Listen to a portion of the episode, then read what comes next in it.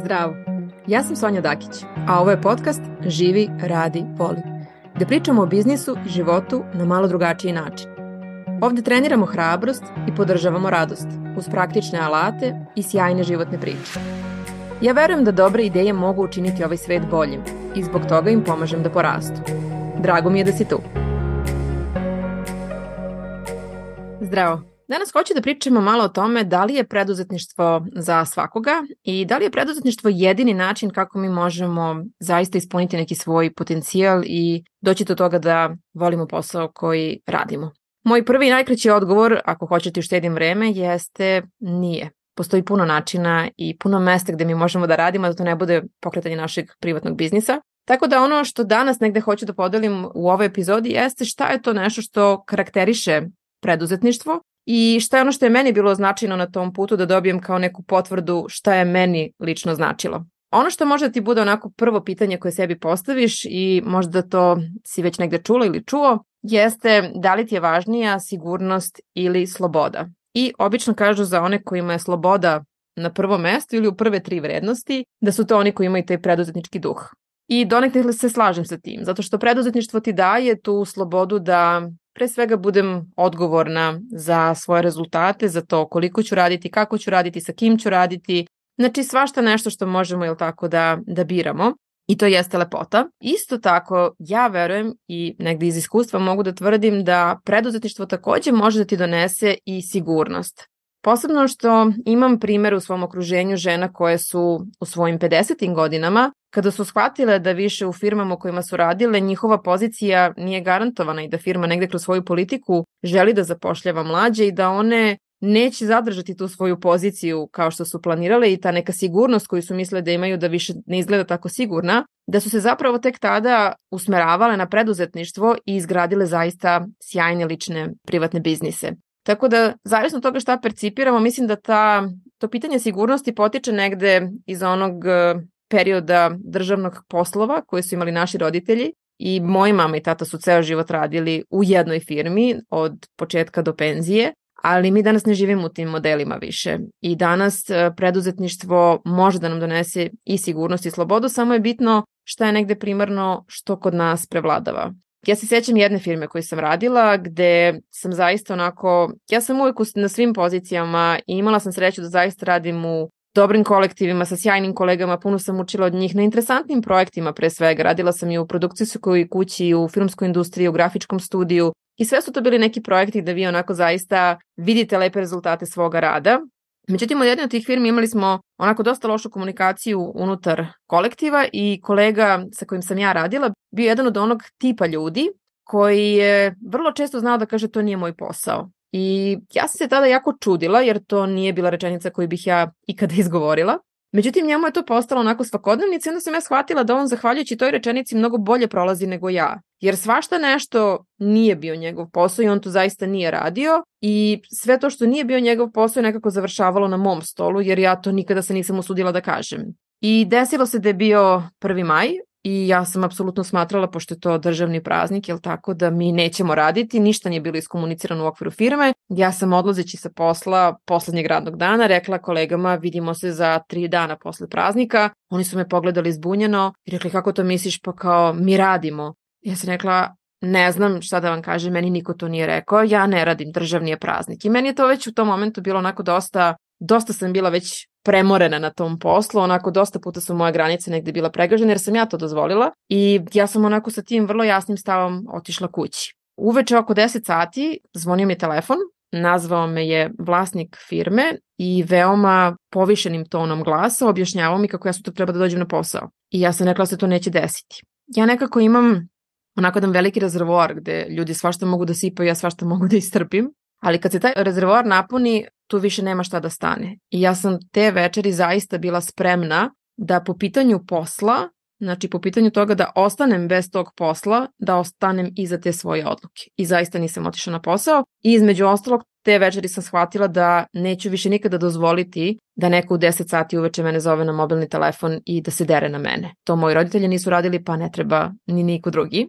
I kada je prošao praznik, kada sam se vratila na posao, naravno zvali su me na razgovor, rekli su mi da kao posledicu mog stava i svega što sam uradila, moja plata će biti smanjena na pola, ali da su eto oni uspeli da uvide neke svoje greške i da su odlučili da se prekovremeno plaća, da se broje neki sati, da se pišu neki učinak pojedinačni, znači da se vidi ko koliko zaista radi i ja sam mi rekla hvala vam na svemu tome. Hvala vam što ste mi uzeli pola plate. Ja svakako dajem otkaz.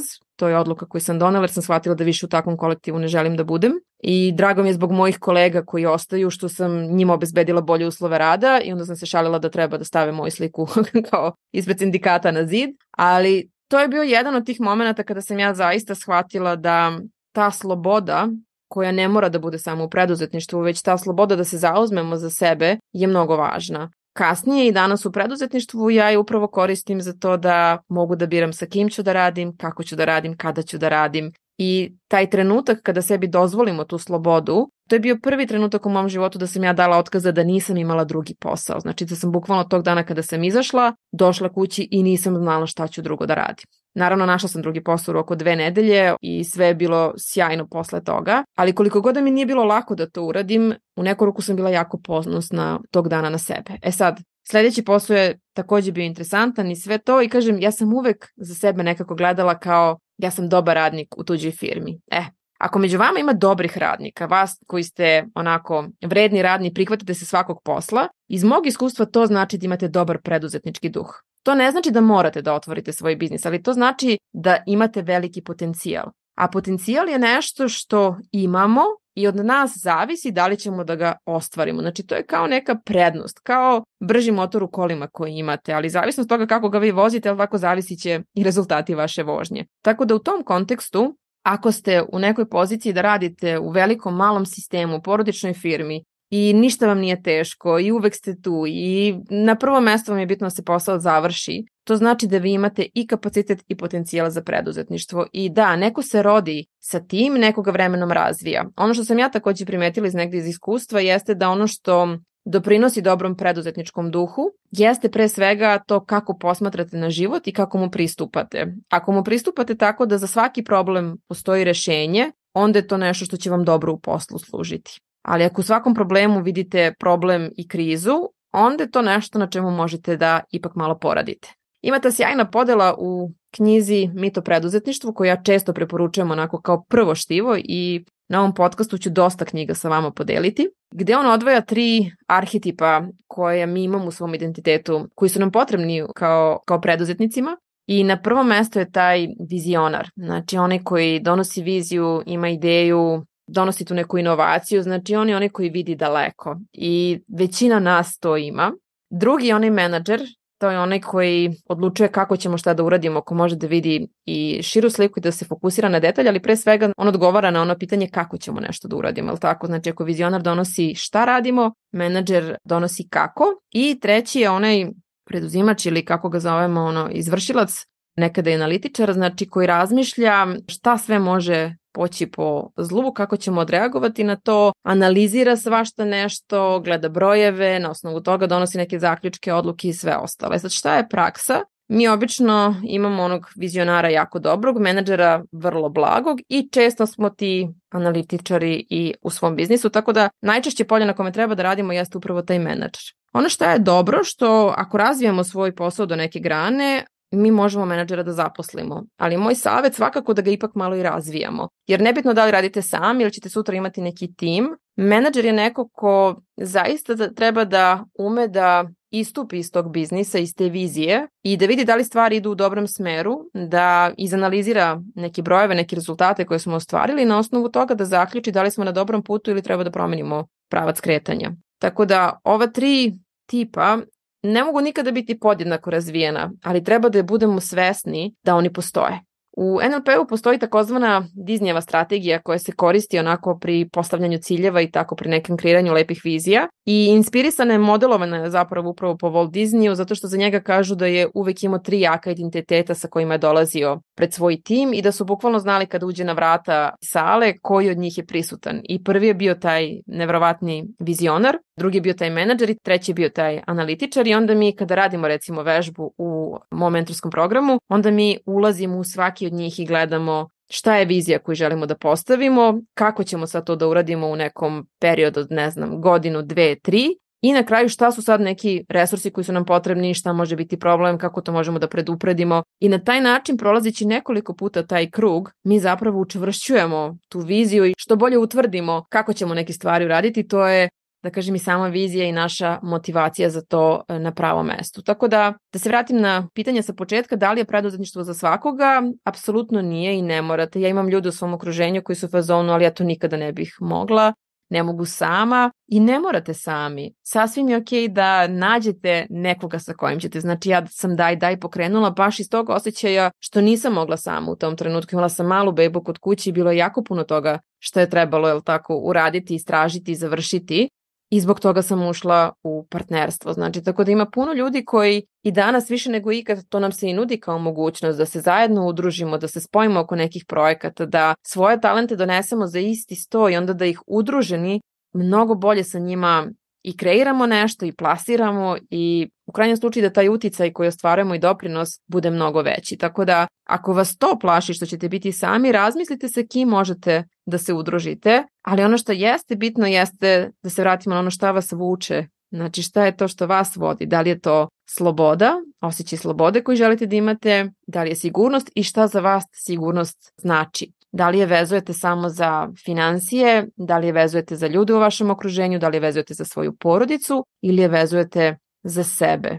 Gde je to vaše sigurno mesto iz koga crpite svu energiju i snagu? Tako da Eto, ostavljam ovo neko pitanje i rado bih volila da čujem vaše komentare. Možete mi pisati na društvenim mrežama. Kakav je vaš stav o preduzetništvu? Ako ste već tu, šta vas je pokrenulo? Nekada to bude naš problem koji smo mi imali, rešili smo ga sebi pa onda rešimo da ga rešavamo i drugima, tako je bilo sa mnom i sa pelenama. Nekada to bude neka prilika, neki poziv, ja uvek volim da kažem da je život zaista za mene ima mnogo bolji plan od mene, tako da kod mene su zaista bile neke prilike koje su mi otvorile neka neverovatna vrata i još uvek je tako za neke stvari u životu. Tako da možda i tako vas neka priča i neka vrata pozovu. Ali preduzetništvo jeste jedna predivna platforma i ovde planiram sa vama da podelim mnoge priče koje će upravo proširiti malo perspektivu na tu temu, tako da vola bih svakako i vas da čujem. Hvala vam na slušanju i vidimo se u sledećoj epizodi. Hvala ti na slušanju. Ako znaš nekoga kome bi ova epizoda dobro došla, prosledi link slobodno. Neka to bude tvoje dobro delo za danas. Ako želiš više da znaš o tome šta ja radim i kako možemo raditi zajedno, poseti moj sajt na adresi www.sonjadakić.com. Na mom Instagram i YouTube kanalu možeš pronaći puno besplatnog sadržaja, a ako imaš neko pitanje koje želiš da prođem u narednoj epizodi ili imaš tu ideju koja ti ne da mira, piši mi. Do sledećeg slušanja želim ti više hrabrosti i radosti u svakom danu.